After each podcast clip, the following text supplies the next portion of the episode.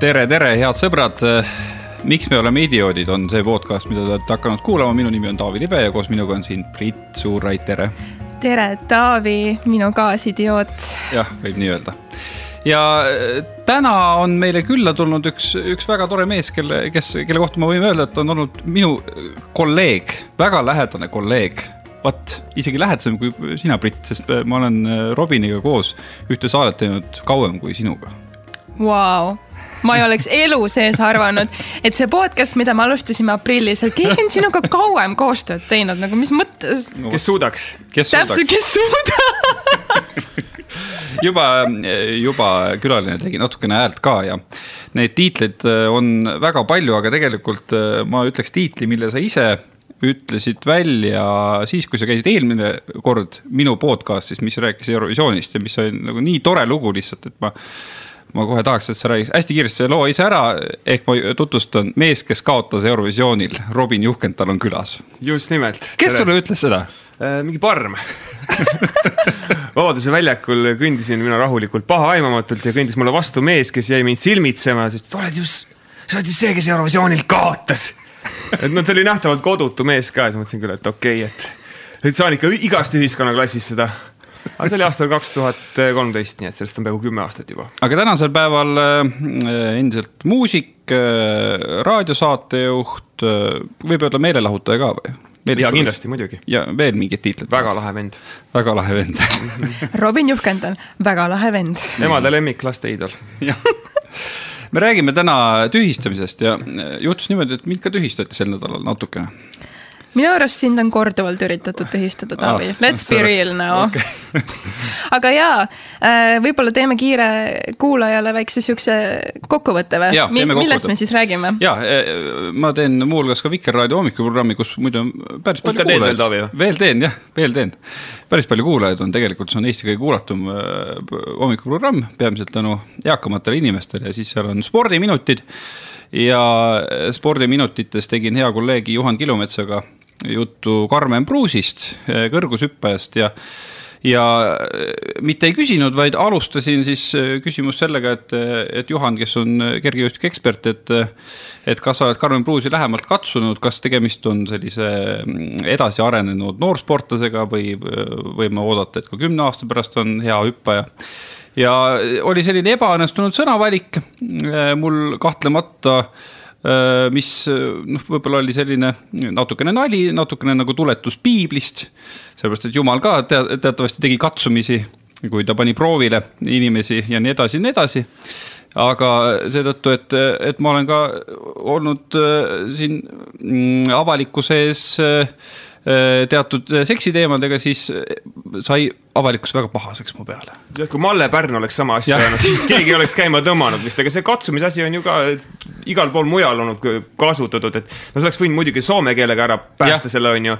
aga no sa ütlesid ikkagi selgelt katsuma, mitte katsuma. ja aga see, et ma ei pese oma kätt kunagi, võib olla ka mitteseksuaalne, et sa kohtud lihtsalt siis, ma ei tea, Keith Richardsiga, lööd temaga patsi. ja, ja no oleme ausad, seal ei ole ju midagi nagu selle tasandi nagu baasil, aga ütled, et ma ei pese kunagi, kunagi oma kätt, sest ma sain sind katsuda. no vot ja siis äh, hästi paljud sai, inimesed said pahaseks, aga mulle tundus, et peamiselt said tõesti pahaseks need inimesed, kes kunagi ei ole Vikerraadio hommikuprogrammi kuulanud, ammugi mitte sel hommikul ja, ja siis äh, just äh, ei olnudki kuulnud seda lõiku ja, ja kuidagi mingite äh, väljavõtete ja selliste viidete pealt siis asusid minu peale väga pahased olema. ja kuidagi, kui me räägime tühistamiskultuurist, mulle tundubki, et, et hästi palju on, on sellist nagu pealiskaudsust selle teema mõttes, et, et kui hakata süvenema ja kui hakata konteksti süüvima, siis oleks palju vähem tühistada meil kedagi?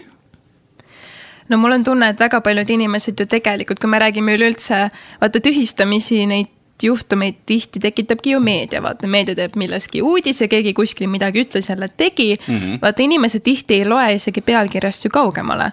Neile piisab ainult sellest äh, ühest pealkirjast, kõmm, otsustatud, kõik, sa oled tühistatud, sind pole rohkem, sa ei vääri üldse ühiskonnas eksisteerimist et äh, vähemalt ma ju ise vaata, ma ju töötan ju reaalselt äh, portaalis.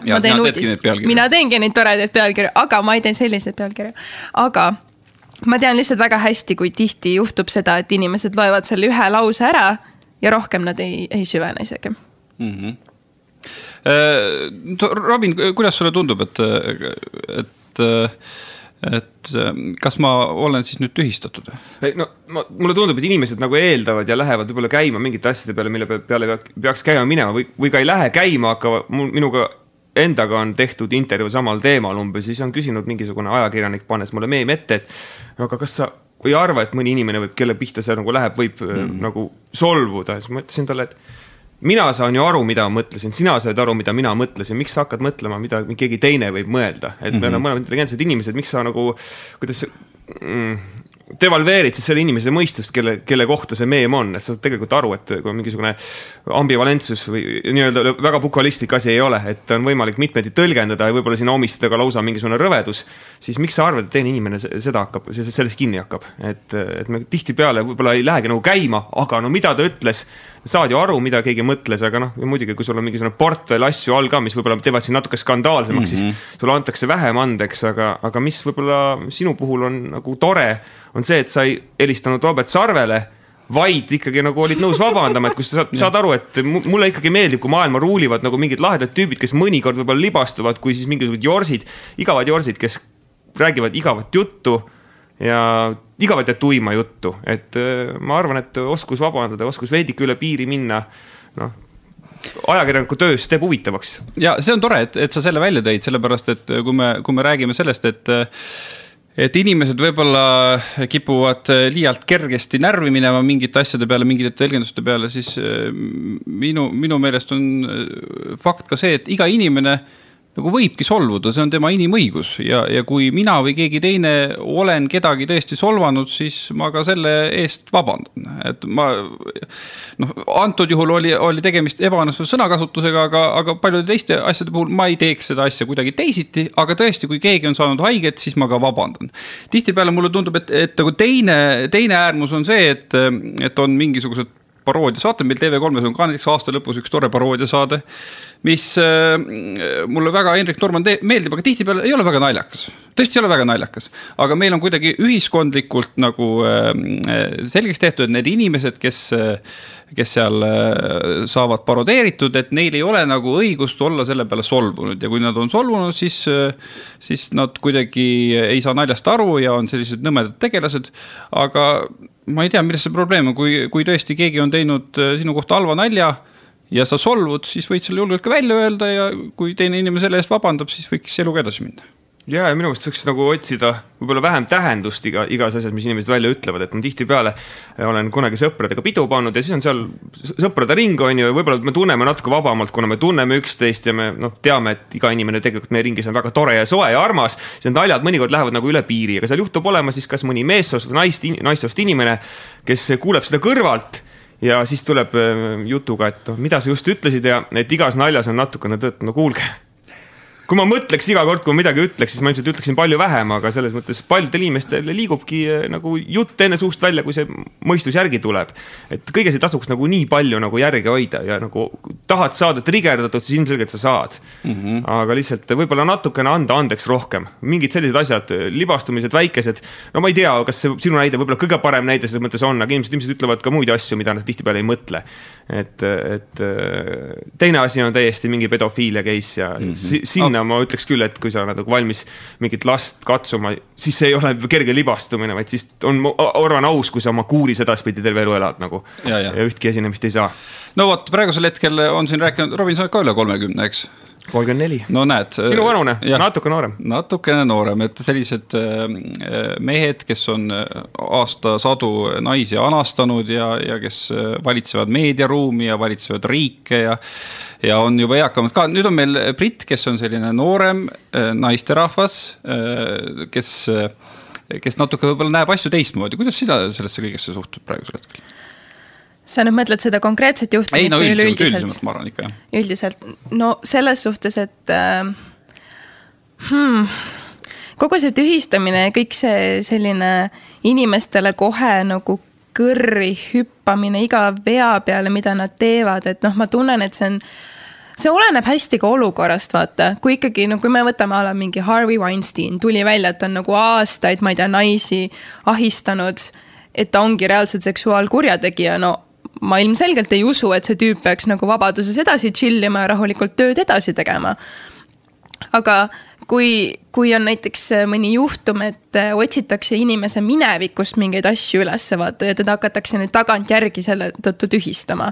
noh, see on ikka päris naeruväärne, et äh, ma kuidagi tunnen, et vaata, et inimesed muutuvad ajas nii palju noh, ma tunnen, et ma ei ole seesama inimene, kes ma olin aasta Eile. aega tagasi, noh, no täpselt on ju, ma võin põhimõtteliselt, et ma kuidagi tunnen, et, et me kõik oleme inimesed ja me kõik eksime me kõik aeg-ajalt teeme ja ütleme asju, mida võib-olla keegi mõistab kuskil valesti.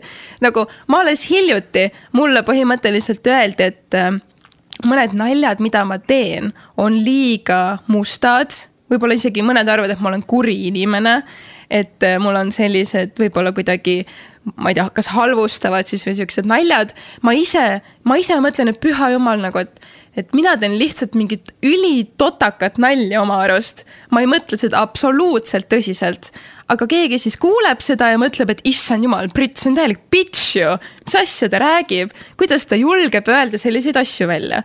ja siis mina mõtlen, et appikene, et üheksakümmend üheksa protsenti sellest, mida ma räägin, on täielik iba. seda ei peakski tõsiselt võtma, sest see on lihtsalt nali minu jaoks on see bänter, aga kui kuskil on keegi, keegi, kes siis selle peale solvub, no ma ei saa ju midagi teha selles suhtes, kui see inimene solvub minu nalja peale, mis ei ole otseselt ju kellegi halvustamisena mõeldud, aga, aga tema tunneb, et teda solvati, no mida ma siis teen?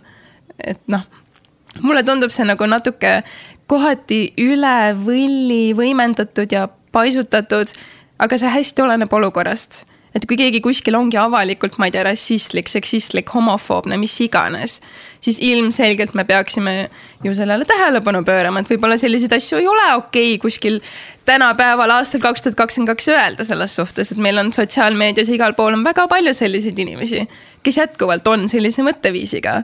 ja ma arvan, et kõikidel kindlasti ei tohiks olla seda platvormi, et sellist sitta siis levitada aga seda ei tohi üle mõelda no kas see on küsimus selles ka natukene, et oma rikutuse levelil sa siis äh, võtad seda teksti vastu, et ma arvan, et mingi sketši raames olen mina ka öelnud, noh, Taaviga koos oleme söönud lõunat mõnikord.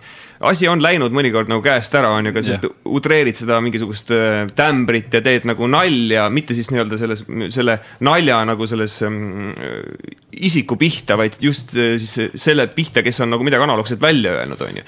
ja saad aru, et see on nagu karakter ja see ei ole tegelikult mina et äh, kui siin on mingisugune teine case olnud, kus mees tegi nalja, et, et ma ei tea, et kui treener vägistab, et äkki jalad hakkavadki naisjooksjalt kiiremini käima, siis mina tundsin, et see ei olnud nagu kuidagi nagu väljamõeldud karakter, vaid see inimene nagu päriselus on umbes samasugune, vähemalt toonilt, mulle ei tundu see, et see oli kuidagi mingi etendatud karakter. et me enda puhul, ma ei tea, mina tundsin, kui ma tegin no, mõnikord mõne üle võlli nalja mm -hmm. ja tead, tihtipeale olin ka naljas mina see, kelle üle naerdi, siis, äh, siis tegelikult ma tundsin, et see oli nagu teine karakter, et kui sa hakkad nagu omistama, kuulad kedagi rääkimas, et mis see paneb sind nagu tõlgendama seda nagu kõige rustikaalsemalt nagu ja kõige, kõige nagu kurjemalt. esimene mõte võiks olla, et äkki ta tegi ikkagi nagu iroonilist nalja või mm. -hmm. et mis, kust see tuleb? jah, no see, see juhtum, mis sa räägid, ah, me võime siin öelda, tegemist Alar Kivisaarega on ju.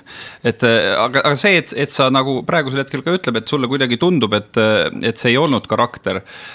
kas, millest see nagu tuleneb sinu puhul? sest ma olen näinud teda igal pool samasuguseid nalju tegemas ka siis väljaspool raadioeetris. mulle ei tundu ta selles mõttes nagu inimene, kes loeks palju raamatuid, andke andeks, kui loeb. Äh, ja kes tegelikult nagu omaks laia silmaringi, sihukene üleolev suhtumine on läbi tema karjääri minu silmis olnud ja see ei põhjendu kuidagi sellega ära, et ta oleks kuidagi kellestki tegelikult üle. vaid see tundub nagu kaitsepositsioon lihtsalt mm. -hmm et kõige kultuuri vastu vaenulik, ma mäletan, kunagi oli üks metal-bänd, Tartu metal-bänd. võttis selle lihtsalt oma saatesse, lihtsalt hirnus selle üle ja mõnitas seda, kuigi see oli jumala hea, nagu ma saan aru, et see. asi võib tunduda nagu asjatundmatule inimesele nagu noh, arusaamatu aga lihtsalt irvitada nagu tuimalt sellele, mis kuradi asi see on, no põhimõtteliselt noh, midagi sellist, on ju. Mhm. et see jättis mulle niisugune mulje, et Jeesus, et nagu sa nagu ei saa, saa aru, siis äh, sa ei pea mõnitama kõike. aga siis võib-olla ongi see Kivisaare jaoks selline karjääri läbiv karakter, mida ta kõikides erinevates platvormides kehastab.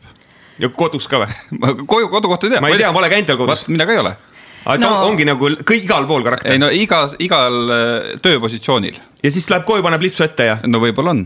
okei okay., võib-olla tõesti jah ma ei tea, nii palju, kui mina sellest inimesest kuulnud olen ja tean, siis see ei olegi karakter, vaid see ongi päriselt tema lihtsalt. ta lihtsalt ongi selline. aga nii kurb, kui see ka ei ole, siis äh, tema on selle raadiojaama tõmbenumber. tema pärast see raadiojaam põhimõtteliselt püsti püsib mis, mis jällegi tekitab mul selle küsimuse, et oot-oot-oot, et nagu, et kes, kes seda kuulavad.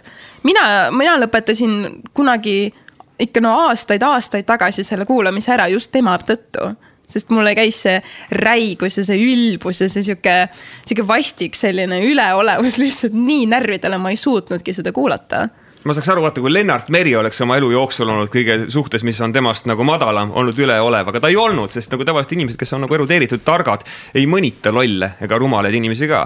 et ma mõtlen, kust tema puhul see tuleb jah, et ta tunneb ennast nagu iga asi põhimõtteliselt, ükskõik mis, mis arutused võetakse, on sihuke nagu, sa, sa näed seda, kuidas mm -hmm. seda pilku nagu, seda üleolevat sellist pilku, noh, oma vaimusilmas, kui sa kuulad ta häält.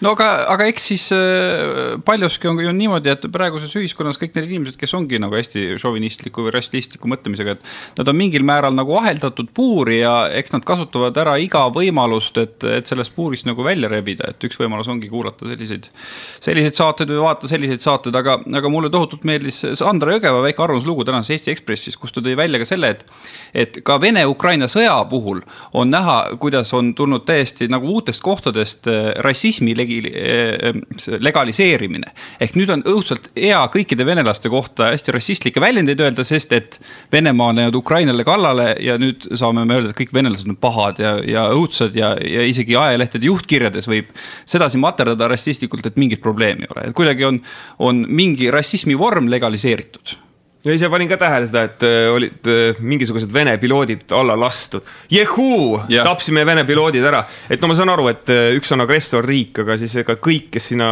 kahurilihaks on saadetud, ei ole ju vägistajad, tapjad ja, ja mõrtsukad, et seal on palju inimesi, kes on lihtsalt no, süsteemi orjad. et ma isiklikult ei suuda nagu rõõmu tunda selle üle, kui keegi tapeti ära, mõtlen ikkagi, tal on perekond, tal on ema, tal on lapsed võib-olla, et lihtsalt selline asi, et hõissa! Mm. -hmm ehk siis no see, see nagu ilmestab minu jaoks seda, et, et kuidagi äh, üritatakse siis tänapäeval võib-olla selliste legaalsete viiside kaudu leida kohti, kus, äh, kus seda sellist alla surutud mingit äh, šovinismi või, või rassismi nagu väljendada. ja üks, üks võimalus selleks on muidugi see stand-up etendus, vaata kõik need inimesed, kes, kes kodus on hästi, hästi sellised viisakad ja ontlikud, kodus ei ole, aga, aga avalikus ruumis, siis nii hea on minna nagu vaatama stand-up'i, kus kus äh, on nagu artistidel rohkem lubatud ja siis sa kuidagi saad ise ka ennast välja elada selle kõige suhtes. seal saad naerda ja sa saad rahulikult mõelda selle peale, et sa võid naerda selle üle. Ma kuidagi ei väida, et see stand-up'is ei oleks see keelatud, stand-up'is ongi see lubatud. aga see, kui, kui sa saad seal julgelt naerda selle üle, siis kuidagi sa saad äh, nagu ohata, oh, ma sain selle endast välja no mul on stand-up'i karakter, mis ma loodan ikkagi, et on veidikene hullem, kui ma päriselus olen, et Nii. ma ei tea, võib-olla mõni ütleks, et Robin Juhketa on igas kontekstis hull peast, aga, aga seal küll katsetan nagu piire ja ma nagu üldse tagasi põhimõtteliselt ei hoia, siis ma eeldan, et kui sa oled nagu vaatama tulnud, siis mind kindlalt mind vaatama tulnud, siis sa umbes nagu tead, et milline inimene ma olen, aga noh, eks võib-olla ma olen samasugune nagu Kivisaar, ma kujutan endale ette, et see on jõle karakter, aga aga võib-olla ma olen iga päev selline, sina kui vana kolleeg, noh, ma olen ju normaalne muidu, on ju. jah, on ju.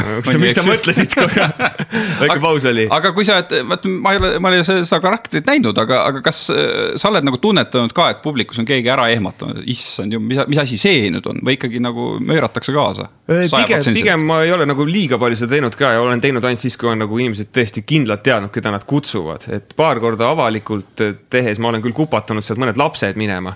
Et äh, ükskord sai Luige Nokal tehtud niimoodi, et seal oli kaks kuueaastast ja mõtlesin, kuule, et kes on nende laste vanemad, et äkki te viite igaks juhuks ära, et no ma ei taha ka nagu, et, et see kuidagi ähm, kedagi traumeeriks, seal ei olnud midagi nagu väga hullu, ma eeldan ilmselt võib-olla isegi nagu laps ei saa sellest nagu nii väga aru, aga mm. -hmm. kui seal mõned ka kärtsakamad sõnad on sees, siis ma arvan, et kuueaastases ei ole paslik seda teha mm. -hmm. no teine asi on muidugi see, et, et kogu selle Äh, ebavõrdsuse vähendamise puhul tuuakse ka ju välja, et miks meil on vaja äh, natukene kehtestada mõttelisi kvoote, on see, et nagu jõuga äh, lükata kasvõi siis naisi või teisi vähemusi nagu esile, et tõsta nende palka ja nii edasi, nii edasi.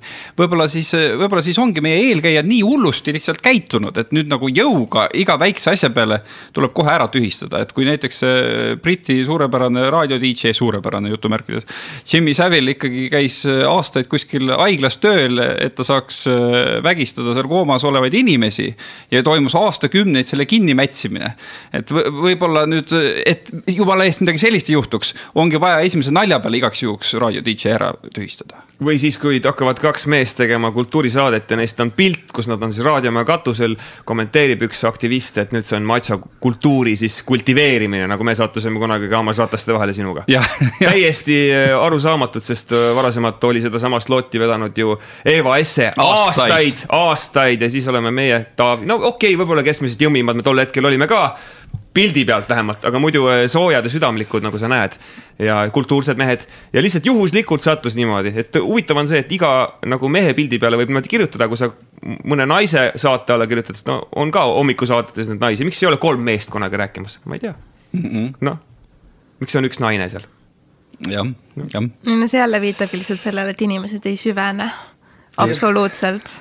lihtsalt esimese asjana kirjutatakse kohe see emotsioon ja see reaktsioon sinna kommentaaridesse ära ja rohkem edasi ei minda. ei, ma ei ütle, et probleeme ei ole, kindlasti ongi väga ja. palju inimesi, kes äh, naiste õigusi mitte millekski ei pea, aga lihtsalt ei tasu nagu tulla inimesele kraesse, kes neutraalselt või hästi suhtub, sest tegelikult see kasvatab pigem nagu vastikus selle teema vastu, kuni see tekitab võib-olla mingeid uusi šovinistusi juurde, kui hakata hästi lihtsalt nagu mm. -hmm. kas, kas üks põhjus äh, selle kõige juures, kuidas Robin tundub, võib olla ka see, et äh, sa tõid Lennart Meri paralleeli, see on no, väga hea paralleel. mulle, mulle tohutult meeldib see selles mõttes, et kuidagi tänapäeval äh, ongi inimeste kultuurikiht äh, väga tihti õhem, et on loetud vähem raamatuid, osatakse, sõnavara on lihtsalt väiksem ja nii edasi ja nii edasi ja ei suudetagi noh, siis ütleme nii, et august kuhugi mujale mingeid asju tõlgendada.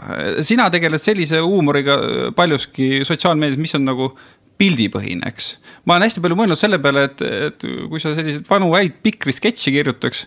umbes äh, samadel teemadel, mille põhjal sa pildimeeme teed, siis ega vist keegi ei viitsiks lugedagi, ei jaksakski lugeda üle ühe rea no tähelepanu on ju viisteist sekundit, et kui meemil juba läheb ka sinna üles kolm rida, alla kolm rida, siis mõni ütleks, et see on ebaõnnestunud meem, et see ei ole kaasaegne, aga see, just see Lennart Meri näide tuli mulle meelde, mäleta, kes rääkis Lennart Meri siis äh, Viljandi folgil käimisest ja seal oli siis mingi kohalik pätt ja no vist ka ilmselt parem oli temaga üritanud juttu ajada ja selle asemel, et siis olla kuidagi üleolev, ta oligi ilusti kätt surunud sellel ja olnud viisakas, et nagu see viisakus kuidagi kaob ära kaob kuidagi ära, et lihtsalt tahad kuidagi hävitada ja mutta lükata, et tema kui inimene, kellel on iga põhjus öelda, et kuulge, Sari, ma sellise asjaga ei tegele.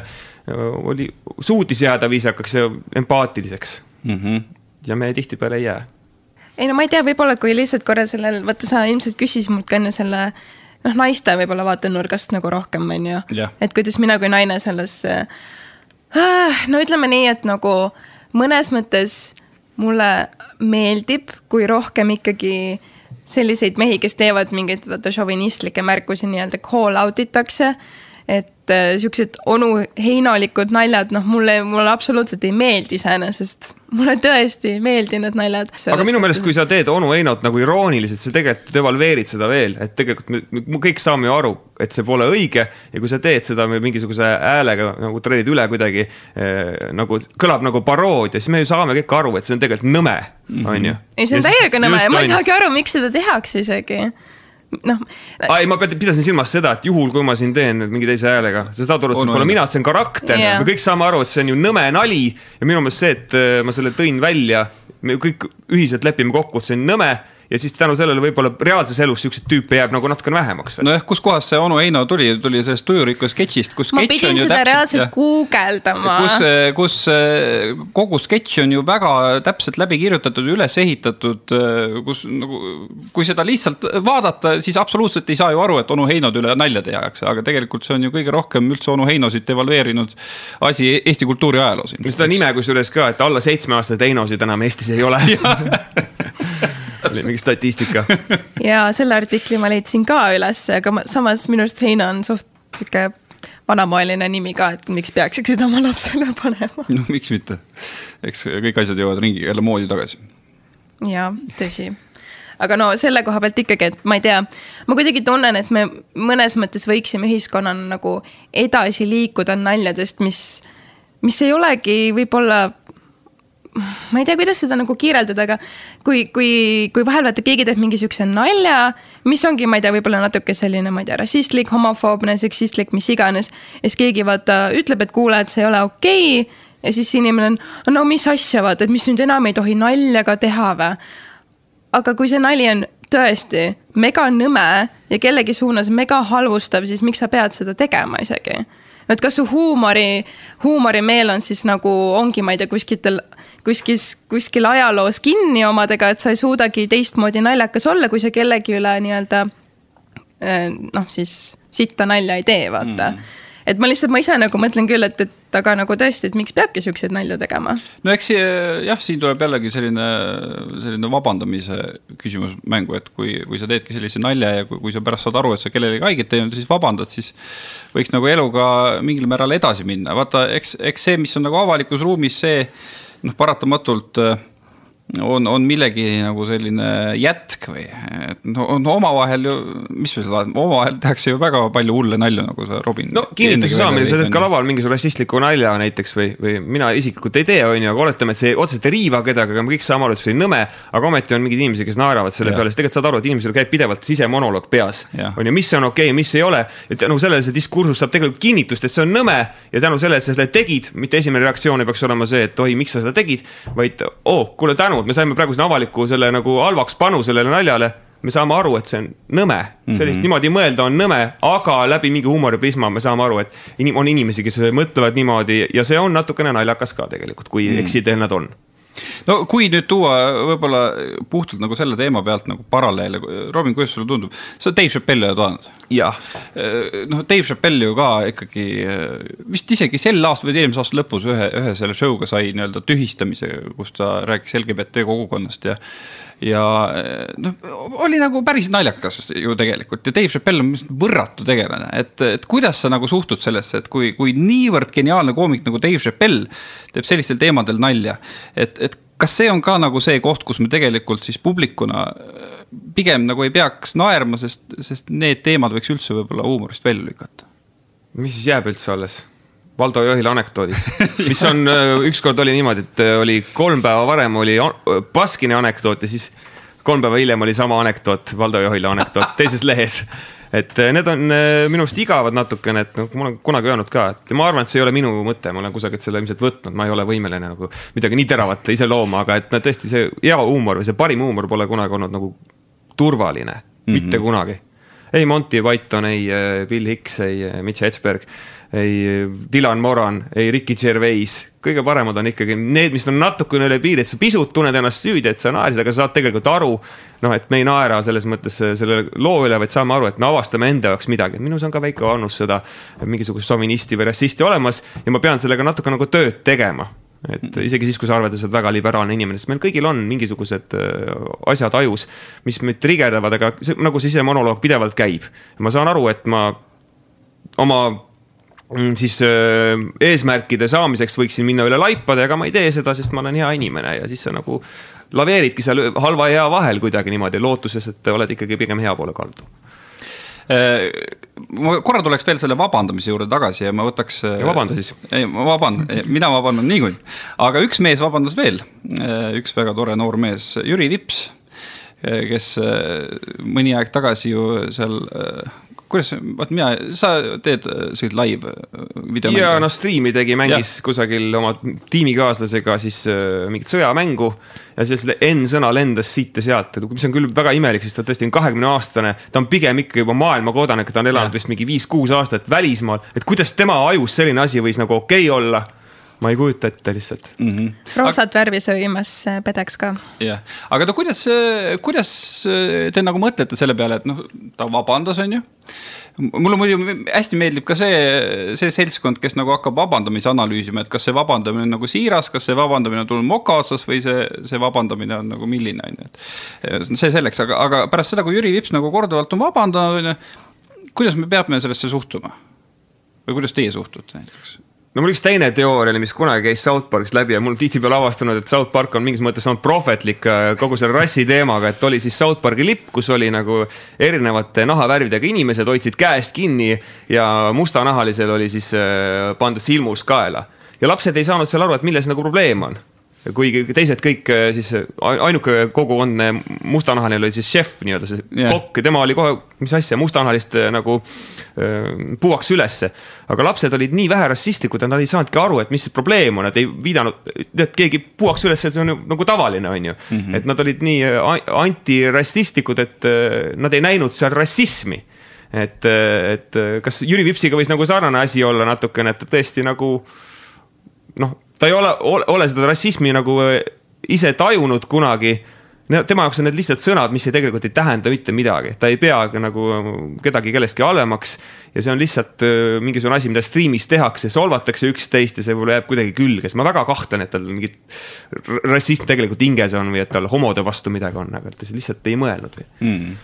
ma ei tea minule pigem. arvad, et Jüri Vips on rassist või? ma ei, ma ei tea Jüri Vipsi, ma ei tea temast mitte midagi ja ma teen. võib-olla sellest... see ongi probleem ei no võib-olla see on tõesti probleem, vaata ma räägin, ma ei ole selle inimesega mitte kunagi kokku puutunud ja ma ei oskagi eriti mingit nagu tohutut seisukohta võtta, ma lihtsalt noh, nii palju, kui ma sinna loosse nagu süvenesin, ehk et ongi, et ta tegi seda striimi. ta oli seal jah, seda N-sõna igal pool seal nii-öelda loopinud ja siis kellelgi oli seal olnud umbes mingi roosa müts või midagi oli siis ja et, et noh, et, et see on ikka väga pede või mis ta seal kõik ütles, on ju. et ma ei tea, kui, kui ta, kui tegu on ikkagi noore inimesega kes teab väga hästi, et sellised, selliseid sõnu Eesti kultuuriruumis ja üldse välismaa kultuuriruumis tegelikult ei ole enam okei okay kasutada. ja üleüldse kedagi sõimata, noh, pedeks mingi värvi pärast, mis on kuidagi, see on nii sihuke algklassi huumor minu jaoks, et kuidagi ma ei tea, minu jaoks oli see veider no,. naljakas. me ei õigusta ju. ei, absoluutselt ei. ei, ma ei, jah, selles ja. suhtes, ma lihtsalt ütlen ausalt, kuidas mina nagu tunnen, et minule tundus see ikkagi nagu, et see järelikult on kuskil seal inimese sees sügaval siiski olemas mm,. ta, ta ikkagi, ta ilmselt ta siis ikkagi vaatab nagu ta näeb tänaval kuskil, ma ei tea, meest, kellel on äh, roosa särk seljas, siis ta ilmselt mõtleb, raudselt on mingi pede, on ju või noh, see peab ju kuskilt tulema, sest et, sest et keegi ei sünni siia ilma rassisti ja homofoobina, vaid see õpitakse ikkagi. kuskilt sa selle õpid, selle käitumismustri või selle mõtlemismustri endale sisse et nagu ühiskond ka mõnes mõttes vaata kuidagi natuke ikkagi suunab, on ju. inimesi, aga noh, paratamatult ajaga inimene muutub ja areneb selles suhtes, et võib-olla kunagi mõtlesid ühte asja, siis hiljem mõtled teist. aga ma ikkagi, mul on küll sihuke tunne, et kui sa selliseid asju niimoodi äh, ilma mõtlemata välja ütled, siis see tuleb kuskilt su seest Hmm. see peab seal kuskil olema. no selle N-sõnaga on muidugi see, et, et see on selline äraspidine kultuuri ülevõtmine ka võib-olla teatud noorte inimeste jaoks, sellepärast et, et mulle tundub, et kas teadlikult või teadmata väga paljud nagu noored on hästi palju üle võtnud just nagu mustade ühiskonnast. ja mustanahaliste ühiskonnas on ju N omavahel täiesti okei okay., siis sa oledki nagu noh, you are my N on ju võib-olla siis tuleb mingisugune paralleel, võib-olla hoopis sedapidi tuleb seda mingisugust sisemist asja lahti mõtestada Eh, no nii palju, kui mina olen aru saanud, siis see ongi see, et eh, must, nii-öelda mustanahalised inimesed, seal kogukonnas see sõna ongi okei okay. ja nemad omavahel võivad seda kasutada.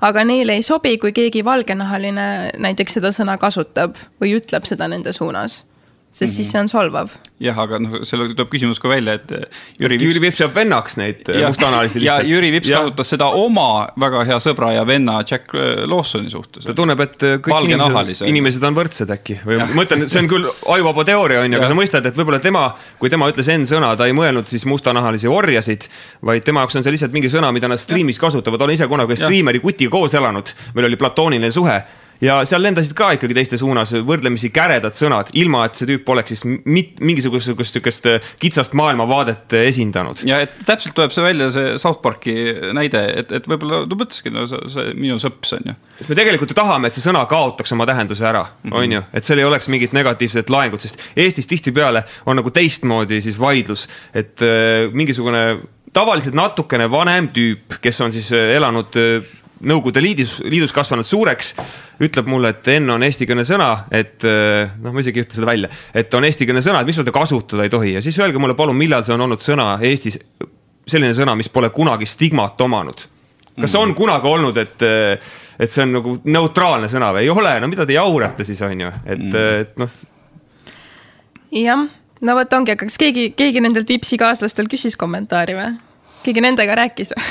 et mis, mis seal siis mõeldi täpsemalt? no seal oli üks, üks kaaslane vist oli ja, ja eks seal keerati vist kiirelt nagu kommentaaride küsimise kraanid kinni ka, et see ei ole päris niimoodi, et. et TV3 portaali, Elu24 portaali inimene helistab kuhugi ja, ja saab kätte ka ja. ja vaata, et mõnikord teab isegi isiklikku numbrit, et see on nagu nii kõrge mäng, et kus ei saa lihtsalt ligi, on ju aga no küsimus ongi selles, et kui inimene on juba vabandanud, on ju. noh, praegusel hetkel oli see nagu Red Bulli enda otsus, et visati nagu meeskonnast välja, aga aga mis nüüd nagu edasi saab, kas me oleme kuidagi teie hinnangul jõudnud null punkti selle asjaga või, või nüüd Jüri Vips eh, oskab ta sõita või ei oska, vahet ei ole nüüd läbi? ei, aga ta on mingis teises meeskonnas nüüd ju ei, ta jäi samasse tiimi edasi, aga kaotas ei, vist Red Bulli toetuse, kusjuures see mees, kellega ta koos mängis, kes ütles sealt, sa ei tohi niimoodi öelda, sai tema siis selle Red Bulli koha endale, nii et no. no ühesõnaga, temaga ei juhtunud praktiliselt mitte midagi no,. juhtus ikkagi väga palju, tegelikult juhtus väga palju. F1-te ta elus ja. kunagi ilmselt ei saa ikkagi enam jah ütleme nii, et jah, juhtus, juhtus väga palju, aga no laias laastus ikkagi no,, kas vabandamine on mingi asi või vabandamine ei ole mingi asi teie hinnangul? ei no ma arvan, et see on miinimumprogramm. Noh, kui sa ei vabanda ka, vaata, siis on ikka imelik aga saab ta kuidagi rehabiliteeruda või ühiskonda veel, saab ta kunagi tulla tagasi samasse olukorda, tõesti mõned äh, spordiajakirjanikud ütlesid, et äh, tal ei ole enam lootust ka F1-te saada, et see on välistatud mm. -hmm. ilmselt nii on jah et no, noh, üleüldse võib-olla mitte Vipsi puhul, vaid üldse, et kui sa ütled miinimumprogramm, aga noh, miinimumprogramm on ka juba päris palju, eks. aga tihtipeale tundub, et vabandamise puhul noh. Ma ei tea, vaat see ongi, see ju nii sõltub sellest olukorrast, mis see situatsioon on. Et on, kas, kas, kas ta kuskil verbaalselt solvas kedagi või ta füüsiliselt tegi kellelegi midagi või mis, mis siin nagu juhtus selles suhtes, mis see lugu on et noh, ma lihtsalt, ma tunnen, et noh, et kasvõi no seesama näide, mis ma tõin enne, et kui meelelahutusmaailmas on nagu väga palju selliseid kõrge positsiooniga inimesi, kes on aastaid seda ära kasutanud ja kasutanud inimesi ära, siis kas ma tunnen, et nad peaksid nagu oma positsioonil edasi töötama? ei, miks? Mm -hmm. kui, kui sinu rikkus ja au ja kuulsus on tulnud nagu teiste kannatamise arvelt, siis muidugi sa ei peaks sellel alal edasi töötama no eks siin ju tulevad ju seadused ka mängu, et, et kui keegi on tõesti kedagi noh, vägistanud või ahistanud, no siis peaks sellega nagu seaduse tasandil. see on nagu väga suur vahe Vipsiga on ju, tegelikult. ja no ma räägingi, et see täiesti sõltub olukorrast, et ma lihtsalt, ma tunnen, et ma ei ole piisavalt pädev, et sellele otsest hinnangut anda. ma, ma ei, ma ei kujuta ette lihtsalt, ma ei tea. aga kui sa tõid selle füüsilise, füüsilise noomituse nii-öelda mängu, siis äh, korra küsin teise kuuma juhtumi kohta ka sellest aastast, et. see, et Will Smith andis Chris Rockile lõuga, kas äh, tal on veel Hollywoodi filmides teie hinnangul kohta või mitte? Robin, kuidas sulle tundub? Või kuidagi peaks no, nagu teistmoodi vaadata? tegelikult ei tea, kui sa oled oma naise nutmist näinud, kuna tal juuksed kukuvad välja, et see noh, võib-olla meie jaoks tundub nagu marginaalne mure, et nad on miljonärid, rikkurid. aga sa oled ikkagi pidanud lohutama naist ja, ja mingisugune haigus, mis mitte kuidagi ei möödu, et see tihtipeale juuksed kasv ei taastugi noh, oled seda näinud ja nutnud koos, siis võib-olla see omandab nagu, nagu natuke nagu noh, drastilisemat mõõtmed sinu jaoks ja lähedki käima ja minu teada see naine vist oli ka öelnud selle peale, mis Chris Rock ütles, et. ta oli kunagi Tupaciga koos olnud ja ütles, et Tupac oleks selle peale maha lasknud, et siis mees nagu tundis, et ta peab kuidagi käituma, et seal. võib-olla on nagu keskmisest gängsteri perekond ka, et nad peavad mm, -hmm. peab teatavat rolli täitma, et kuidas sa siis vahid niimoodi kõrval, kui kui, kui su naise kohta tehakse kommentaare. no aga see tõi jällegi selle diskussiooni, et, et humorist on nagu laval et seal peaks olema ikkagi mingisugune selline sein vahel, et, et kas see on nagu väga ohtlik äh, pretsedent selles mõttes, et, et Will Smith võib-olla kõikide selliste põmbeade jaoks selle seina lõhkus maha sa oled ka humorist, sa oled ka äh, laval tihtipeale, et kas sa tunned ennast kuidagi nüüd äh, järgmistel esinemistel sellepärast äh, ohustatumana, et Will Smith on selle seina maha lõhkunud? ma ei karda, mina käisin Eurovisioonil ja peale seda nagu ma sain ikkagi nii palju peksa, et ma ei, ma ei karda mingisuguse nalja eest kõrvakiilu saada, aga mis Chris Rock ütles küll, et kes ütleb, et sõnad teevad haiget, see ei ole vastu hambaid saanud hiljuti et kui mul on valida, et Taavi Libe ütleb mu, minu või minu naise kohta halvasti või tõmbab mul rusikaga täiega vastu nägu, siis ma lasen sul vist pigem ikkagi öelda, Taavi, seda nagu, et aga ma arvan, et jah, tõesti antud juhul Chris Rock ka ikkagi etendas mingit rolli ja võib-olla läks natukene üle piiri, aga oleks olnud ilus kaasa naerda sellele lihtsalt ja muiata ja oleks jätnud, jäänud väärikamaks. tagantjärgi ma arvan, et ta ju ise ütles ka, et ta kahetseb tehtud. no tegelikult äh, oleks täiesti okei okay olnud minu meelest ka see, vaata see juhtum läks ju edasi, et äh, Will Smith läks, äh, istus maha ja siis veel karjus talle, et sina ei ütle minu naise kohta midagi. kui ta oleks lihtsalt karjunud ja mitte sellist fake smile'i teinud, see oleks ka väga okei okay olnud minu meelest ja võib-olla see oleks isegi mingisuguse õige märgi jätnud, et. et, et need humoristid ei ole ka ei ole ka sellised puutumatud, et sa ei või absoluutselt kõige üle nalja teha, et keegi sulle ikka võib öelda. aga, aga just see, võib-olla see kõrvakiil oli liiga no mis sa arvad, Brit? no selles suhtes, et äh, mis see siis oli, Chris Rock tegi Will Smithi naise hai, noh, ta tegi ju, see, noh, see juuste teema, vaata. aga ongi sellel naisel on ju aastaid olnud see. alopeetsia vist on ju. ja minu arust oli ju väga, kas ta oli teadlik sellest või ei olnud, selles ma ei ole kindel. aga ma lihtsalt mõtlen, et kui see ongi, et noh, ta tegi ikkagi väga isikliku sellise suunitud nalja kellegi väga spetsiifilise mingi asja suhtes. ja kui noh, Will Smith läks siis oma naise nii-öelda au sinna kaitsma, nagu ma saan natuke aru sellest. mina ei saa tegelikult aru. aga samas see oli, ma tunnen, et oleks võinud seda võib-olla klaarida väljaspool seda kõike või nagu, et. pärast seal äh, teatri ees antud lõuga jah, seal teatri ees kaklema lihtsalt on ju. mina olen isiklikult teinud nagu biti sellest eraldi, et ma kiilanen ärge naerge nüüd ja lisaks sellele, et mul on nagu see kiilanemise värk on mul äh, lisaks vitiiliga veel ka, mis oli see Michael Jacksoni tõbi. et ühesõnaga, ma olen varsti olen ma kiilakas tüüp, kellel on lapiline pea nagu sihuke jalgpall. et siin on, kui ma palju päikest saan, siis miks te naerate? see ei ole naljakas ju. absoluutselt ei naera. see ei ole naljakas või samas natukene on ka. sa ise et, naerad seal, no come on. et äh, tuleb osata üle olla sellest, sest noh, mingid asjad, mida sa muuta ei saa.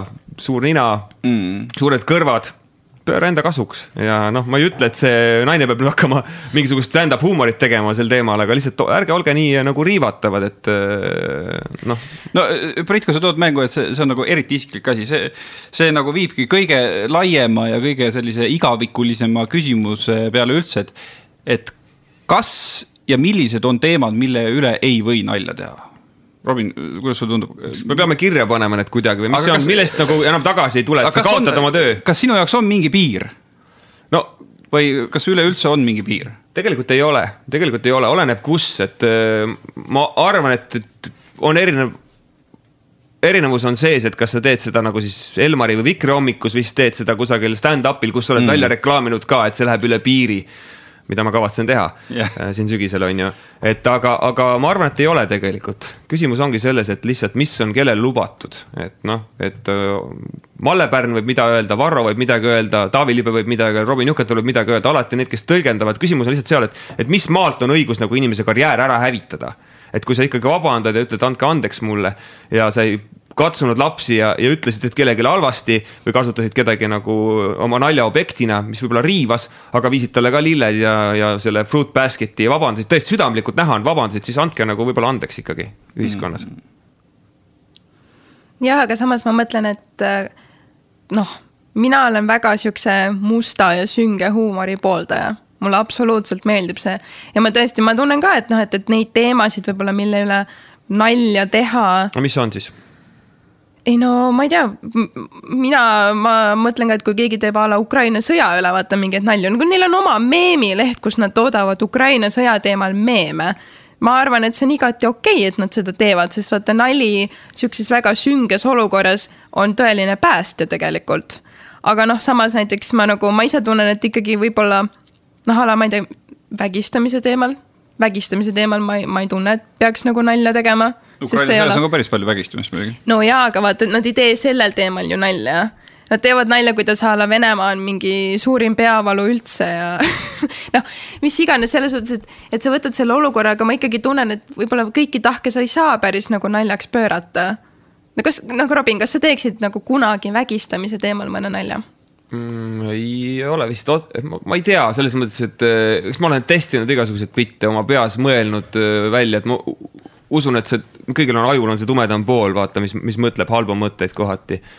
aga ma ei, ma ei ütle, et ma ei teeks, aga ma arvan, et äh, ma ei teeks seda kusagil äh, Rahvusringhäälingus et kui teeksin, siis see oleks ka nagu väärt seda, sest tihtipeale on sihuke tunne, et, et see nalja nagu labasus äh, ei ole nagu seoses sellega, kui hea see püant lõpuks oli. see asi pole nagu väärt, see pole olema seda väärt ka mm.. kui sa suudad seda intelligentselt teha, minu meelest on see nagu kergelt nagu väljakutse, et teha sellistel teemadel nalja, mis võib-olla ei avalikkuse halvakspanule võivad sattuda kiiremini ja, ja võivad nii-öelda, et risk on nagu suurem, aga kui sa mängid suurte panustega, siis on võita ka võimalik, tean seda netikasiinost. ei võitnud kaotasid kümme euri. nojah, no ringi tagasi Dave Chappelli juurde, kes, kes teeb äh, suurepäraseid nalju selle, nende teemadel, on ju. Nendel, nendel mitte vägistamiste teemadel, vaid nendel teemadel, mille puhul paljud teised ei oska nalja teha. No aga samas, kas, kui sa teed mingi, kui sa teed nagu alalõpmata nalju, mis inimestele ala okei, räägi edasi. kui sa teed alalõpmata nalju, mis võib-olla kellelegi teevad noh, ma ütlen siis praegu konkreetsele isikule, mitte ühiskonnale, aga konkreetsele isikule, ma ei tea, teevad haiget. ja siis sa kogu aeg vabandad nende eest, mis selle mõte siis lõpuks on? see ju kaotab täiesti mõtte ära. ma eeldan, et sa ikkagi sama reha otsa mitu korda ilmselt ei astu ka et sa saad sellest võib-olla mingisuguse siis tagasiside ja võib-olla edaspidi väldid. ma ei tea, kas huumor sellest paremaks läheb, võib-olla sa muutud ka nagu liiga siis pehmeks ja hakkad liiga üle mõtlema, sest tihtipeale need humoristid ikkagi no heas mõttes on hullud tüübid mm. -hmm. ja mul ei tule nagu ühtegi näidet ka tegelikult meelde, et, et kes, kes oleks selline, kes nagu teeb väga spetsiifilisi nalju ja siis kogu aeg nagu vabandab, on ju, et no, pigem nagu ei tule sihukest asja. ja sellist ei tule, aga no mul praegu tuli kohe meelde see Harimati Muston on ju, keda siin ka vahepeal taheti ühe nalja pärast juba tühistama hakata. see oli ju ka tegelikult Ukraina sõja teemal, aga no ma ei tea, kas te mäletate seda juhtumit? jah, Estonian Bitches better up your game. kui no avastasid, Tinderis on palju Ukraina naisi. Tinderis on Ukraina naised jah et.... sul on võimalik mitte teda follow da Twitteris ja mitte minna ta show dele ja sa ei pea mitte kunagi teda nägema kusagil mujal, ära siis vaata võib-olla neid kommertskanaleid ka, ta ei ole veel praegu nii prime'i saanud, et sa põhimõtteliselt igalt äh, telekanalit teda iga päev mm -hmm. pead mhm. nägema milles küsimus on? ei, kusjuures see on väga hea point, sest et sellele ma olen ka mõelnud, et vahel mul on sihuke tunne, et inimesed ise otsivad ise otsivad neid äh, nalju ja neid asju üles, et nad oleksid, et nad saaksid tunda ennast solvatuna või et nad saaksid olla triggered mm.. et ongi, ma vahel mõtlen, et kuidas mingid inimesed vaata kritiseerivad, et, et sellel koomikul, et tal on alati sellised, sellised, sellised naljad või et see inimene teeb selliseid, selliseid, selliseid kommentaare. aga siis ma alati mõtlen, et aga miks sa lähed ja vaatad seda üldse või mik, miks sa lähed ta kanalile, miks sa vaatad neid videosi või miks sa üldse kuulad, mis ta räägib, et kui sulle absoluutselt ei meeldi, mida ta räägib. Et miks sa siis otsid seda ise, et, et kas sa tahadki nagu närvi minna või? mis selle nagu eesmärk on? jah, see on hea küsimus. ei no konkreetselt vaata, et tõesti, et noh, ma saan aru, kui, kui keegi teeb kuskil sihukese mingi üli-ülinõmeda nalja, mis tõesti absoluutselt ei sobi sinna konteksti ja ta ei, ei tee seda regulaarselt, noh, sa ju ei tee regulaarselt raadios selliseid väljaütlemisi, nagu sa tegid, on ju. mille eest, mille eest sulle see, see pasaraha nii-öelda kaela saadeti. aga kui on keegi, kes võib-olla teebki selliseid natuke omapäraseid no, nalju. nagu sa ütlesid, sa enam ei kuula Sky plussi. nojah, täpselt, ma lihtsalt lõpetan ära, ma ei kuula. aga sa võiks olla ka selline, kes esmaspäevast reedeni hommikul kella seitsmest kella kümneni või üheteistkümneni, ma ei tea, kogu aeg kuulaks. pärast kuulad järgi veel ka. kuulad järgi ja siis kogu su Twitter ja Facebook ja ma ei tea, mis sul kõik on, oleks täis seda, et issand, kui õudne ikka on see Kivisaar mm. -hmm. aga sa ei tee niimoodi millegipärast, paljud teevad ma ei tea jah, mul on sihuke tunne, et internetis väga paljudele inimestele lihtsalt meeldibki minna närvi kogu aeg ja nad otsivad meelega neid asju, mis neid närvi ajavad. aga küsimus on minu arust see, et kas see on nagu narratiivi osa, et me räägime lihtsalt äh, nalja püant ei ole see või, või kuma läbi, et vägistamine on lahe. vaid sa räägid nagu mingisugusest asjast, minu arust kusagil oli välja toodud ka see, et, et ka puuetega inimeste üle, et kas on okei okay nalja teha. et kui sa kellegi puude üle teed nalja, et see on inetu, aga kui lihtsalt on nagu ratastooliga mees, kes läheb kuhugi ja ta satub kentsakasse olukorda. noh, ja sealt ei kuma läbi, et me irvitame ta üle, et tal ei saa, et ta ei saa käia, siis kas see on nagu vale või, et kus, kus kohas see piir on mm? -hmm või pimeda anekdoote on tehtud, on ju, et nad on tegelikult ju, kas see on parem, kui me tõukame nad igasugusest äh, sotsiaalsest siis ja, ja, ja siis nagu üldisest narratiivist täiesti eemale. ja nad on kusagil kaugel meist või siis nad on nagu osa ka siis kultuurist ja, ja folkloorist mm. -hmm. ja, ja noh, see, see on muidugi jah, arutamise koht äh, no see on muidugi ka mm, ju nii-öelda huumoriekspertide mõte, mitte minu mõte, et, et justkui nagu nalja tohib teha ainult siis, kuidas ma ütlen, alt nagu üles.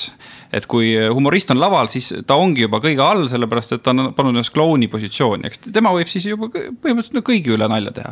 aga noh, a la ma ei tea, poliitik ei või teha nalja see tavainimese üle nii te, teistpidi nagu võib, on ju, et kuidas sa sellesse suhtud? ei, ma arvan küll jah, sest kloun äh, on selline väga arhailine amet, on ju yeah.. ja siis, kui see tüüp seal nalja teeb, sa ju tead, et see on see tüüp, kes selle asemel, et keskkoolis õppida, oli see, kes kommenteeris kogu aeg asju, on ju. ja nüüd on see tema ainuke viis siis teenida nagu mingit mõistlikku elatist, no las ta siis möllab, ma ei saa aru, no milles probleem on, et teine variant on kusagil laudu koristada, on ju. mis on ka aus töö ja kõik, on ju. aga ise tean ka, et noh, ma oleks võinud rohkem tuupida, aga ma olin see tüüp, kes matemaatika ülesannete asemel ka siis segas nii teiste kui ka oma pinginaabri tööd ja nüüd on see mu tööks saanud ja see on tegelikult olnud raskem, kui äh, mingi konventsionaalsel tööl käia, kui nüüd hakata nagu nalja tegema, on ju. ja samas siis, kui Mart Helme teeb oma, oma Ukraina bitti nagu Riigikogu äh, puldis, siis on nagu vist ikkagi õigus meil ühiskonna. no Monika naerab alati Kalle ka mm. -hmm. aga minu meelest kõige rohkem äh, häirib mind tegelikult koomiku juures see, kui ta enda nalja üle naerab, see on hästi tüütu et ta on nagu laval ja naerab või? no sa oled selle oma peas välja mõelnud, esiteks on see, et nagu kaks korda sama asja üle naerda nagunii on nagu naljakas, ei saa kuidagi muud olla kui fake.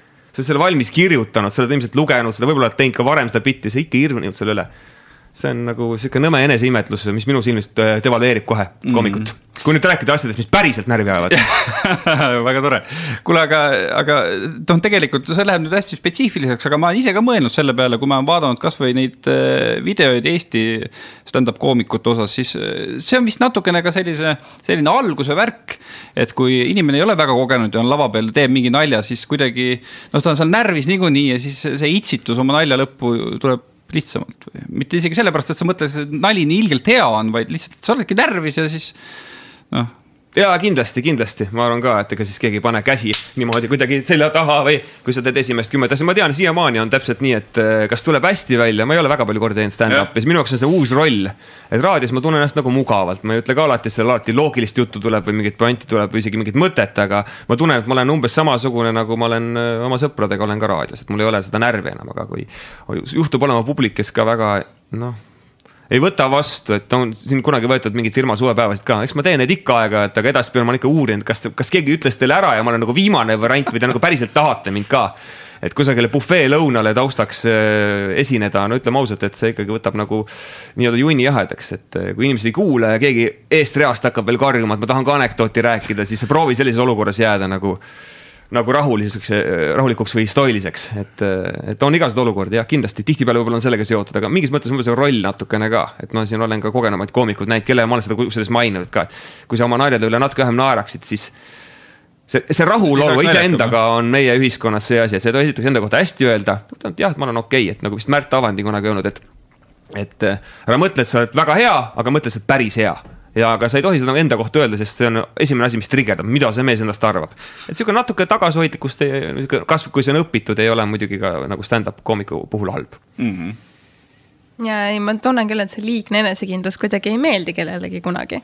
kui keegi tunneb ennast iseenda nahas hästi või on uhke selle üle, mis ta on saavutanud, siis see ei meeldi kellelegi kunagi sa pead alati eestlasena kõik maha salgama, jumala eest mis nüüd mina no,. aga see on vist küll nagu spetsiifiline Eesti või selline põhjamaalase värk, et. täiega, jumala eest, et sa nagu kuskilgi räägid oma saavutustest, vaata, või kui keegi just ei küsi, siis ära räägi. ja siis, kui küsid, siis alustad ka lauset, oh, mis nüüd mina. jah, täpselt, oh, mis nüüd mina oota, aga Robin, kas sul on ka mõni nali, mis on nagu totaalselt ebaõnnestunud? Ei, kõik on välja tulnud. ei, ma arvan, et nagu tagantjärgi retrospektis ma arvan, et on mingeid nalju, mida ma enam ei teeks kahe, kolmekümne nelja aastasena ja. ja, ja mõeldes ka võib-olla sellele, et noh, mul on järelkasv ja et noh, mõtled no, automaatselt mõtled kohe, et, et ma võiks ka nagu teha mingisugused shoot'e kroonikal, mul on fantastiline laps ja äge ja näidata oma kodu, aga mõtle selle peale, et võib-olla kunagi ta näiteks ei taha olla seostatud sellise klouniga, tahab mingit tõsist karjääri teha ja sigavesti on see esimene Google'i vaste nagu temaga seoses. aga, aga naljadega seoses on samamoodi, et, et ma tegelikult natuke olen noh, tunnen, et mind on nagu I m neutered nagu mingis mõttes, et äh, ilmselt kolme aasta tagune Robin Juket oli oluliselt käredam, ma ei tea, kas ta nagu parem inimene oli, aga, aga, aga ma ikkagi natuke rohkem mõtlen. ja on no, mingeid asju, mis on läinud üle piiri, no millest on käima tõmmatud, noh, Freddie Mercury nali, et oli tal sall kaelas ma täna välja ei tule, et olen kuskilt, kuskilt vist mingisuguse viiruse korjanud. noh, et selles mõttes eh, okei okay,, jah, ma saan aru, et nõme, ei noh, mingis kontekstis nagu nõme, aga kui te teate, milline tüüp oli Freddie Mercury mm., siis kui ta elaks ka praegu ajal, kus meil AIDSi epideemia on nagu saadud enam-vähem kontrolli alla, elaks seda elu, nagu ta siis elas. ja ta on enda kohta olnud sexual being, seal ei olnud mitte nagu kümneid partnereid, vaid sadu, ilmselt tuhandeid et eh, noh, ma ei irvita selle üle, aga see oli ainult loogiline, et ta elu niimoodi lõppes, nagu lõppes, austades teda täielikult eh, ja, ja armastades kuni loomingut, ütlen, et no lihtsalt eh, noh, ma leian, et see, see ei ole nagu, et ma oleks kellegi vähihaige last näinud mõnitama kusagile haiglasse, et see on mm. natuke teine tasand ja samamoodi on mingite naljadega inimesest olenevalt, et no Hitleri ühe munandi üle võid nalja teha, aga noh, kui Taavi Libel oleks üks munand, siis ma arvan, et see oleks nagu kurb, on ju on ju? aitäh sulle. jah, no või ma ei tea igaks juhuks ütlen, et on ei. kaks munadit, aga. no jumal tänatud, et me nüüd selle paika panime. aga kui sa ütled, et kolm aastat tagasi olid käredam, et mis sind siis muutunud on, kas see ongi see tavapärane äh, vanuse lisandumine või, või kuidagi ikkagi ka see, et, et ühiskond meie ümber on muutunud äh, vähem tolereerimaks? Ma olin nagu võib-olla mingisugusel teelahkmel kolm aastat tagasi, mul ei olnud nagu midagi kaotada, ma arvan, et mingis mõttes nagu svägeriks tegigi, et mul mingid tüübid tulevad, sa oled ikka oh, ultimate swagger on ju, no, no väga tore küll, aga noh, kes siis nagu ähm, kes siis tahab sihukese inimesega koos töötada, kui sa nagu, kui sa tundud nagu nii äh, nagu karistamatult lahmiv igas suunas või. kes tahab sulle nii väga pakkuda midagi, kui sa, kui sa selline tüüp oled.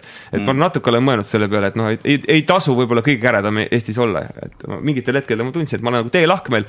ja mul ei olnud lihtsalt midagi kaotada, ma ei ole kunagi olnud Ivo Linna, ma ei ole olnud kunagi sihuke nagu rahva lemmiklaulik, et no issand jumal, nüüd kukkus midagi ära, et mul oli tavaliselt äh, paar-kolm esinemist kuiselt kui need ära kukkusid, ma sain millegi muuga hakkama ja noh, ma tundsin, ma olen nagu natuke vabam rääkima, siiamaani ilmselt olen, et kui mingisugused joomisteemad on, siis ei ole mitte nagu viis otsida tähelepanu, vaid ma tunnen, et noh, et ka Koit Toome ilmselt sellest nagu rääkima niimoodi ei lähe kui mina ja et kui see kellegi mõtlema paneb, siis no me võime rääkida siin psühholoogide, psühhiaatritega, aga nad tegelikult, nad ei räägi empiirilisel tasandil seda.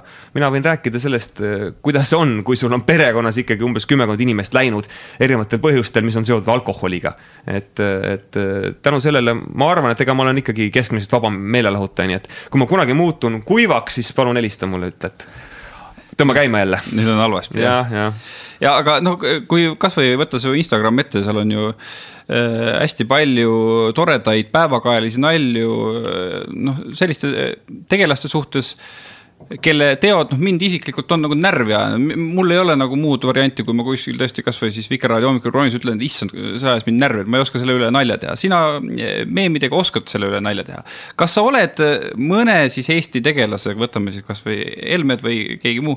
mõne, sellepärast teinud nalja, et sa oled lihtsalt närvis ja sa kurat tahakski nagu keerata talle, sest ta on nii loll, aga siis sa lihtsalt teed nalja. või sinu meelest sa teed ikkagi nalja sellepärast, et naljakas on mõlemat natukene, mul on endal ka isiklikult äh, palju äh, sõpru, kes kategoriseeruvad homoseksuaalsete alla. Ja aga mul on mul lihtsalt jäänud nagu väga hinge see, et ma näen, kuidas need inimesed on, neil on ikka kusagil perekonnas mingi onu või, või vanaema, kes ei suuda sellega leppida. ja sellises olukorras võib keerata vinti üle ja, ja noh, nii räigelt lihtsalt äh, rünnata mingisuguseid gruppe, inimgruppe. et minu meelest see on nagu võitlus äh, ikkagi inimõiguste eest, et see on pannud mind äh, tööle, lisaks sellele ka, et ma olen edev muidugi ja mulle mm. meeldib olla vaimukas ja, ja blablabla bla, bla, on ju, aga tegelikult ikkagi see, et noh, poliitikuks ma ei taha kunagi saada. mul on ka liiga palju luukeresid kapis ilmselt, et see on minu väike viis siis ühiskonna tegemistes kaasa rääkida. jah, aga noh, point ongi selles, et, et on okei okay teha nalja ka niimoodi, et sul tegelikult on nagu hambad ristis ja sa oled ilgelt närvis ei, kindlasti on aetud närvi ka mind asjad jah, aga aga enamik äh, nalju seal on pigem tekkinud niimoodi, et lihtsalt äh, ma nagu olen vist maailmameister valesti kuulmises, kõik kalambuurid ei ole mitte see, et ma oleks nagu jõle andekas, et ma suudan nagu mõelda äh, mingeid ägedaid tasandeid välja või, või näen seda, mida teised näevad, ma lihtsalt kuulen alguses valesti ja siis ma viin alles selle kokku nagu, mille tavaline inimene viib kokku. et era, enamik neist asjadest on see, et ma saan nagu valesti aru ja siis ma panen selle kuidagi enda kasuks tööle. kas oskab mingi näite tuua? Ükskõik, mis sealt võtta põhimõtteliselt, tegelikult on nii, et äh, ma näen valesti, ma kuulen valesti midagi ja mul tekib mingisugune assotsiatsioon, mis tegelikult ei ole nagu mulle võib-olla eksistentsiaalselt nagu kasulik, et äh, noh sa mõistad, et, et ma, ma ei adu mingitel hetkel maailma nii nagu teine inimene, seal ei ole seotud, sellega pole seotud ei mingisugused mõnuained ega, ega, ega mingisugused äh, deliiriumid, aga lihtsalt noh, ma natuke saan teistmoodi aru, võib-olla on pikaldane nii-öelda mm. -hmm. pikad juhtmed lihtsalt. jah no aga ma ei teagi, lõpetuseks siis, kuidas me selle virvarri kokku tõmbame? ei osagi, oskagi nagu tõmmata, et äh, kuidas siis see asi on, et, et kui me teeme kellelegi haiget, siis vabandame, aga, aga ärme otsime neid kohti, kus me saaks haiget või? jah, vist. no ma ei tea, ma kuidagi, ma ei tea, see tühistamine, see on ka kuidagi, see on, mulle ei meeldi see sõna tegelikult absoluutselt, mida see isegi tähendab, sest et kas sa siis nagu tühistad kellegi eksistentsi või olemasolu või tühistad kõik ta saavutused või mi mida see väljend isegi tähendab selles suhtes, kui me tühistame kellegi ära? no pigem vist tähendab, et tühistad tulevikku. tühistad tulevikku, jah? jah, mulle tundub, kui me mingeid konkreetseid näiteid vaatame, keda on üritatud tühistada ja tühistatud. nojah, selles suhtes ma lihtsalt kujutan ette, et kui, kui keegi a la eksib ühe korra, kas me siis kohe nii-öelda keelame talle ära tulevikus absoluutselt midagi teha või ennast kuidagi. samas mul on sihuke tunne, et nii palju neid siukseid inimesi, kes on a la ühe korra eksinud, vaata. ja siis kohe internet tormab neid tühistama. et mis sellest siis nagu edasi saab või kuidagi see korra lahvatab nagu ära, kas need inimesed siis tegutsevad ju rõõmsalt edasi. tegelikult mul on sihuke tunne, et sel sõnal varsti vist ei olegi enam mingit sügavamat tähendust. kõik lihtsalt teevad seda ja ütlevad, aga midagi ei juhtu päriselt mm no mingil määral võiks ju tühistamine kui selline üldse ära kaduda, et nagu me ütlesime ka, et on ju teatud asjad, teatud asjad, mille puhul noh, peabki nagu seadusandja või siis julgeolekuorgan sekkuma, kui me räägime siin mingitest vägistamistest ja ahistamistest ja, ja sellistest asjadest. ja noh, kui, kui siis keegi mängus ütleb nõmeda sõna, ma ei tea, kas teda on vaja tühistada üleüldse või et lihtsalt nagu juhime sellele tähelepanu ja kui ta vabandab, siis läheks eluga edasi või? kas no, seda tühistamise jah, et... asja sinna üleüldse on vaja või seda terminit? no vot, ma räägingi. keegi räägib mingisuguse loo, kas siis, mis meil siin teemad olid, ahistamine on ju, mingi pedofiilia, kas selle üle nagu, nagu tohib nagu nalja teha, kui see on nagu narratiivis on lihtsalt nii-öelda pedofiil ja siis võib-olla ohver, aga sa nagu ei jäta muljet, et see on lahe mm. -hmm. et see on cool, vaid me mõistame nagu naljaga no, selle ühiselt hukka, see peaks ju ikkagi nagu okei okay olema, on ju. et mingid teemad ei saa nagu ära kaduda. no kõik kindlasti mitte, jah. no muidu ongi see, et mille üle sa siis lõpuks nalja teed. iseenda üle tegelikult võiks ka osata teha ju on tehtud ka. jah, no eks, eks siin on ka see asi, et äh, aga iseenda puhul siis sa pead ikkagi need mingid teemad appi võtma, sest kui sa oled selline ümmargune kuivik, siis on ka nagu nõme iseenda üle nalja no, teha. no iseenda üle nalja teha, kui sa oled Venno Loosaar, siis lõpeb ka ju pedofiilia naljaga lõpuks, et. et siin peab ka nagu täpsustama, et kus see mingisugune leksikon on, mida ma näen, et äh, tegelikult ei saa ju sihukest äh, asja koostada, saab jah et lihtsalt tuleb olla nagu südames hea inimene, nagu minu kunagine ülemus Ivar Vigla ütles, et süda on õiges kohas, kus ikka nagu kumab läbi tegelikult inimese puhul, et tõesti äh, kahetsus on siiras, kui oled libastunud, siis, siis andke andeks ikkagi. jah, Ivar Vigla on vist äh, piisavalt äh, oluline inimene Eesti maastikul, kelle mõttega ka lõpetada. just, ma arvan küll jah, kuigi talle lihtsalt endale ei meeldi, kuidas räägitakse, aga noh, ta pole mu ülemus, nii et mis ta teha saab savi no kuule, Robin, suur aitäh, et tulid külla ja, ja loodetavasti oleme kunagi jälle kolleegid äkki või? loodame jah, kui me just. jah ja Brit, me oleme endiselt kolleegid täna ja ka järgmisel nädalal. jaa, absoluutselt, me oleme endiselt idioodid selles suhtes, nii et ma ei tea, me ei ole veel leidnud vastust sellele küsimusele vist mm. -hmm, tundub nii. ja kui miski riivas, siis sellised kolm idiooti rääkimas ja selle peale ei tasu üldse nagu trigerduda. täpselt, täpselt. see on kaval teil jah. absoluutselt, ärge võtke palun mitte midagi tõsiselt aga aitäh teile kuulamast ja kohtume uuel nädalal